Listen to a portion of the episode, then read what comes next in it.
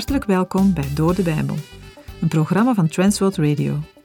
Met dit programma nemen we jou in vijf jaar tijd mee door de ganse Bijbel. Tof dat u er weer bij bent. In uitzending 532 gaan we vandaag verder in de tweede brief die Paulus naar de gemeente in Korinthe heeft geschreven. In hoofdstuk 5, waar we de afgelopen keren over nadachten, zien we de grote bewogenheid van Paulus met mensen die zonder Jezus Christus leven. Het besef van Gods grote offer, toen hij zijn zoon overgaf aan de wereld om gekruisigd te worden, heeft hem zo diep geraakt dat hij niet anders kan dan dit aan mensen bekend te maken. Het is zijn intens verlangen dat mensen gered worden van de eeuwige dood. Hij heeft er alles voor over om mensen bekend te maken met het evangelie. Paulus blijft er niet onverschillig onder. Het offer van Christus en de verloren toestand van mensen zet hem aan tot actie. Hoe bewogen staan wij nog ten opzichte van mensen om ons heen? Raakt het ons als mensen God terug toekeren? We hoeven geen apostel zoals Paulus te zijn om bewogen te zijn over het lot van mensen om ons heen. We kennen en dienen dezelfde Heer. De grote opdracht van de Heer om overal aan iedereen te vertellen wat Hij heeft gedaan, is ook aan de christenen van vandaag gegeven. De liefde van Christus voor ons is even groot als in de begintijd voor de discipelen. Die liefde mag ons dringen, mag onze drijfveer zijn om overal waar we kunnen de naam van Jezus bekend te maken. Het is een geweldige zegen dat dat in deze tijd ook via de radio kan. TWR mag in veel landen de naam van Jezus bekendmaken. Zo komen we als het ware ook binnen in die landen waar het christendom verboden is. Via de radio horen mensen het evangelie en kunnen ze opgebouwd worden in het geloof. Het is geweldig hoe de Heer ook op deze manier mensen kan bereiken. Wilt u meer weten over dit zendingswerk? Kijk dan eens op onze website. Het is bemoedigend om te zien hoe de Heere God zijn werk overal in de wereld door laat gaan.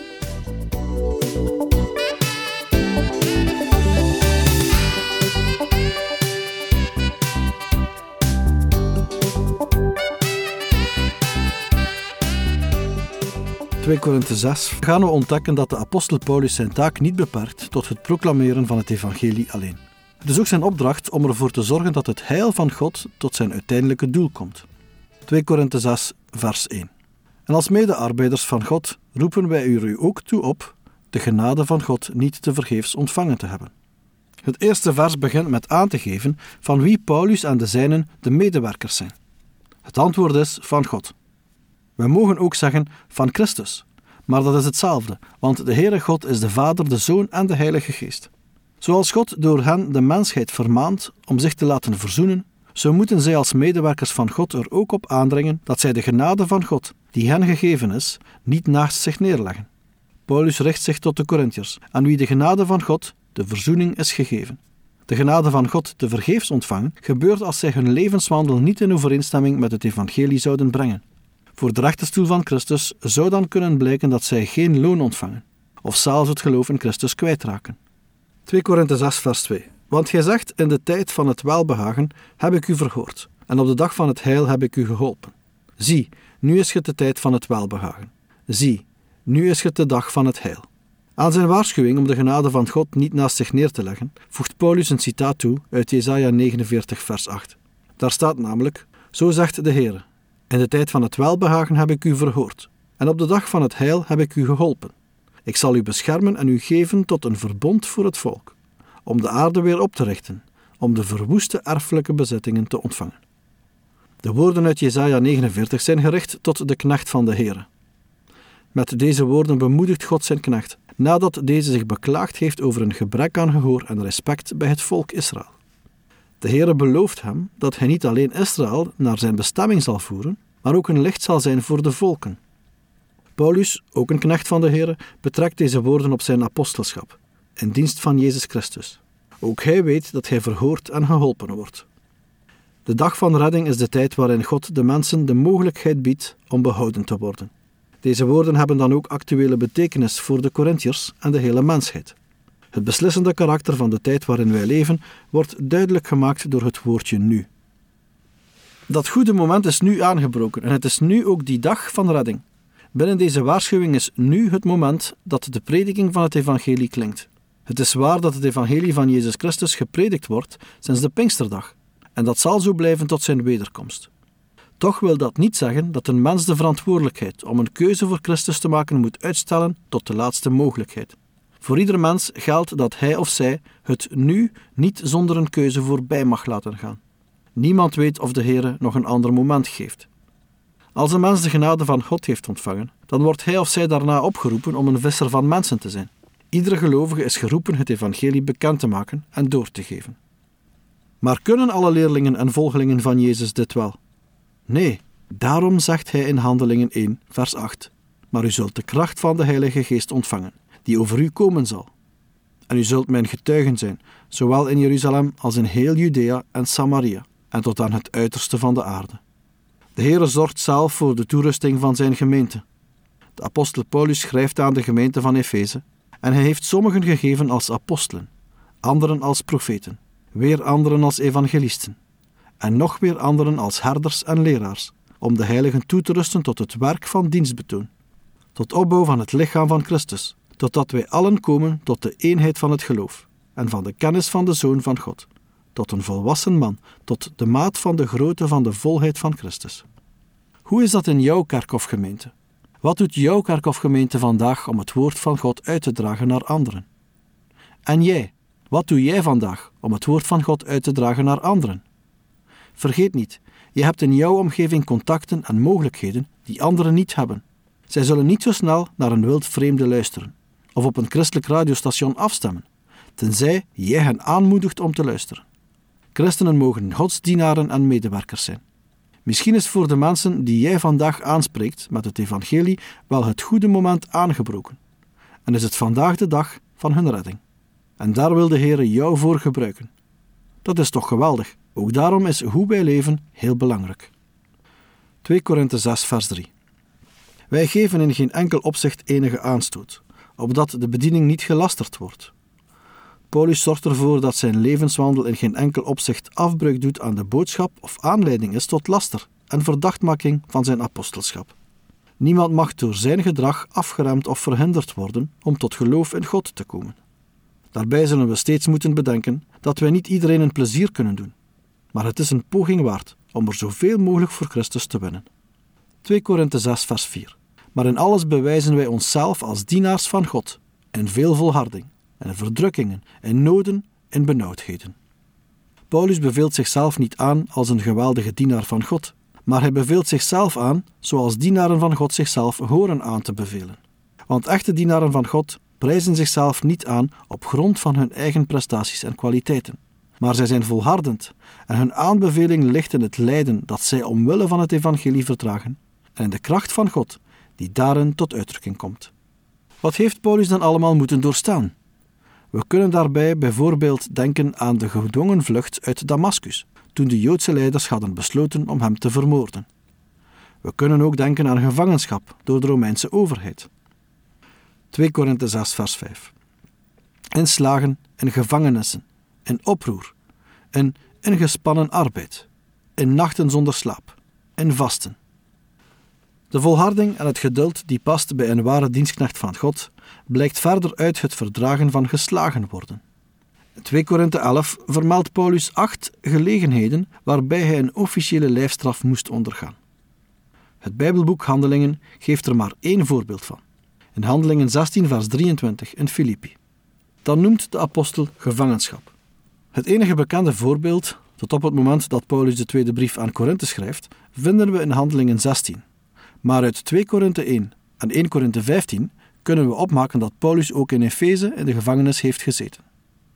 Mensen zo gevaarlijk waren de spontane of georganiseerde uitbarstingen van volkswoede die Paulus bijna het leven kostten. Paulus en zijn medewerkers hebben gezwoegd. Hele nachten hebben zij slapeloos doorgebracht en zij moesten het vaak zonder eten doen. De bedoelde nachten waarin Paulus niet of nauwelijks heeft geslapen, hangen samen met zijn dubbele verantwoordelijkheid: werken om in zijn onderhoud te voorzien en de verkondiging van het evangelie. Paulus zal vooral de inspanningen van zijn beroep als tentenmaker bedoelen, dat hij uitoefende om de pas gestichte gemeenten niet financieel te belasten. Vaak moest hij tot diep in de nacht werken, onderwijs geven, vermanen, reizen, maar vooral ook tijd nemen voor gebed. de zorg voor de verschillende christelijke gemeenten hebben hem ook wakker gehouden. 2 Korinthe 6, versen 6 en 7. In reinheid, in kennis, in geduld, in vriendelijkheid, in de Heilige Geest, in ongeveinsde liefde, in het woord van de waarheid, in de kracht van God, door de wapens van de gerechtigheid aan de rechter en aan de linkerzijde. Nu vertelt Paulus over de manier waarop hij dit alles volhield en doorstond. De reinheid wijst in dit verband op zuiverheid van motieven. De kennis is geopenbaarde kennis, die onmisbaar is voor de bediening van een apostel. In Galaten 1 vers 12 schrijft Paulus het niet van mensen te hebben ontvangen, maar van Jezus Christus zelf. Geduld is het vermogen om beledigingen en aangedaan onrecht te verdragen. We vinden deze deugd bij de vrucht van de geest in Galaten 5. Hetzelfde geldt voor vriendelijkheid en ongeveinsde liefde. Paulus liet zich bij alles inspireren, leiden en corrigeren door de Heilige Geest. De gerechtigheid was het wapen, zowel in de aanval als in de verdediging. Het gaat hier om geestelijke wapens. 2 Korinthe 6 vers 8 Door eer en oneer, door kwaad gerucht en goed gerucht, als misleiders en toch waarachtigen. Naast het lijden dat de ware medewerkers van God moeten ondergaan, worden zij ook door mensen beoordeeld. Die beoordeling is niet altijd positief, maar dat doet niets af aan de echtheid van hun bediening of de oprechtheid van hun bedoelingen. Zo gaat Paulus door eer en oneer, door lastering en waardering. Dat is de normale gang van zaken voor dienstknechten van God. Dat is hun aanbeveling. Vervolgens geeft Paulus een aantal voorbeelden van wat er allemaal over hem en zijn medewerkers wordt gezegd, zowel positief als negatief. Ze worden beoordeeld als misleiders en bedriegers, en toch ook als mensen die betrouwbaar zijn en waarheid spreken. Het tragische is dat de negatieve beoordelingen niet alleen vanuit de wereld komen, maar ook vanuit de gemeente. 2 Korinthe 6, vers 9. Als onbekenden en toch bekenden, als stervenden en zie, wij leven, als bestraft en toch niet gedood.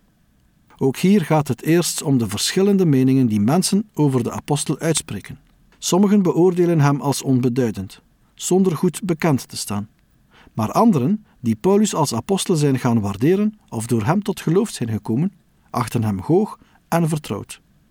Het slot van dit vers gaat zowel om een dramatische beoordeling als om het feit dat het leven van Paulus en zijn medewerkers werkelijk met de dood wordt bedreigd. Sommigen houden Paulus en zijn medewerkers voor mensen die al bezig zijn te sterven. Zij zullen het niet redden, ze gaan ten onder. Paulus is zich van deze situatie bewust. Zijn leven is steeds in gevaar. Maar hij vertrouwt erop dat de Heer hem juist in die situatie zal uitredden. 2 Korinthe 6, vers 10. Als bedroefden, maar toch steeds blij. Als armen, maar die toch velen rijk maken. Als mensen die niets hebben en toch alles bezitten. De vijanden van Paulus zien hem als een geslagene. Zij interpreteren het lijden van de apostel als een tuchtiging van de Heer. Zij zien daarin een bewijs dat de Heer hem niet zegent. Integendeel, hij wordt gestraft voor het feit dat hij zichzelf het apostelschap toe heeft geëigend en zich een apostel noemt. Maar Paulus reageert op deze kritiek.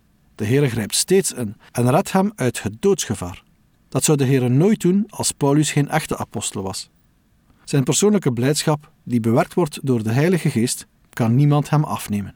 Zij worden beschouwd als armen, en inderdaad, Paulus was arm en leed in sommige situaties gebrek. Tegelijkertijd mag Paulus een geestelijke rijkdom verspreiden, die bestaat uit eeuwige redding. Daarnaast uit gaven en werkingen van de Heilige Geest en het vooruitzicht van een heerlijke toekomst. Wat dit aardse leven betreft, kon Paulus niet teren op bezittingen of op een geërfd vermogen. Alleen door hard te werken kon hij in zijn levensonderhoud voorzien. Toch schrijft de apostel niets te hebben, maar toch alles te bezitten. Hij doelt op de geestelijke zegeningen die hij in Christus al heeft ontvangen, en in het verlengde daarvan op de toekomstige erfenis, waarvan hij door de Heilige Geest al zeker is. 2 Korinthe 6, vers 11. Onze mond heeft zich vrijmoedig voor u geopend, Corinthiërs. Ons hart staat wijd open. Nadat Paulus heeft laten zien hoe zijn leven als dienstknecht van Jezus is en hoe er zoal over hem en zijn medewerkers wordt geoordeeld, richt hij zich nu weer direct tot de Corinthiërs. Zij zijn namelijk degenen die soms zo kritisch over hem spreken. Paulus wijst op de vrijmoedigheid in zijn verdediging en de verantwoording van zijn gedrag. Met de woorden: Corinthiërs, ons hart staat wijd open, geeft Paulus zijn houding ten opzichte van hen aan. Voor alle Corinthiërs is er een plekje in het hart van Paulus. Hij heeft liefde voor hen allemaal. Zoals Paulus de Corinthiërs in 1 Korinthe 8 al vermaande dat kennis zonder liefde tot niets leidt, en daarna in 1 Korinthe 13 duidelijk maakte dat geestelijke gaven zonder liefde geen waarde hebben, betrekt de apostel dezelfde geestelijke waarheden op de onderlinge band van de apostel met de gelovigen in de gemeente van Korinthe. Ook hier stelt Paulus zichzelf daarbij als voorbeeld. Zijn hart staat voor hen open. In 1 Korinthe 13, versen 4 tot en met 7 heeft Paulus geschreven: De liefde is geduldig, zij is vriendelijk, de liefde is niet jaloers, de liefde pronkt niet, zij doet niet gewichtig, zij handelt niet ongepast, zij zoekt niet naar eigen belang, zij wordt niet verbitterd, zij denkt geen kwaad, zij verblijdt zich niet over de ongerechtigheid, maar verheugt zich over de waarheid. Zij bedekt alle dingen, zij gelooft alle dingen, zij hoopt alle dingen, zij verdraagt alle dingen. Met deze woorden beschrijft Paulus kenmerken van Gods liefde, geduld en vriendelijkheid. De Heer stelt zijn toorn uit, verdraagt de zondige mens en blijft zegenen in de verwachting dat de mens zich bekeert. Zulke eigenschappen worden ook van de gelovigen verwacht. Ze hebben namelijk zelf als eersten Gods genade en liefde mogen ontvangen. Maar met deze woorden beschrijft Paulus ook kenmerken van hoe Gods liefde niet is. De liefde is niet jaloers. Zij doet niet gewichtig en is niet trots. De liefde kwetst niet. Zij is niet egoïstisch en voelt zich nooit beledigd en neemt niemand iets kwalijk. De liefde is niet blij met onrecht, maar juist met de waarheid. De liefde beschermt altijd, heeft altijd vertrouwen, verwacht het altijd van God en houdt stand. Aan de liefde komt nooit een einde. Wat zou het geweldig zijn als die beschreven liefde wederzijds zou zijn. In de volgende uitzending zullen we zien hoe de Corinthiërs reageren op deze liefde.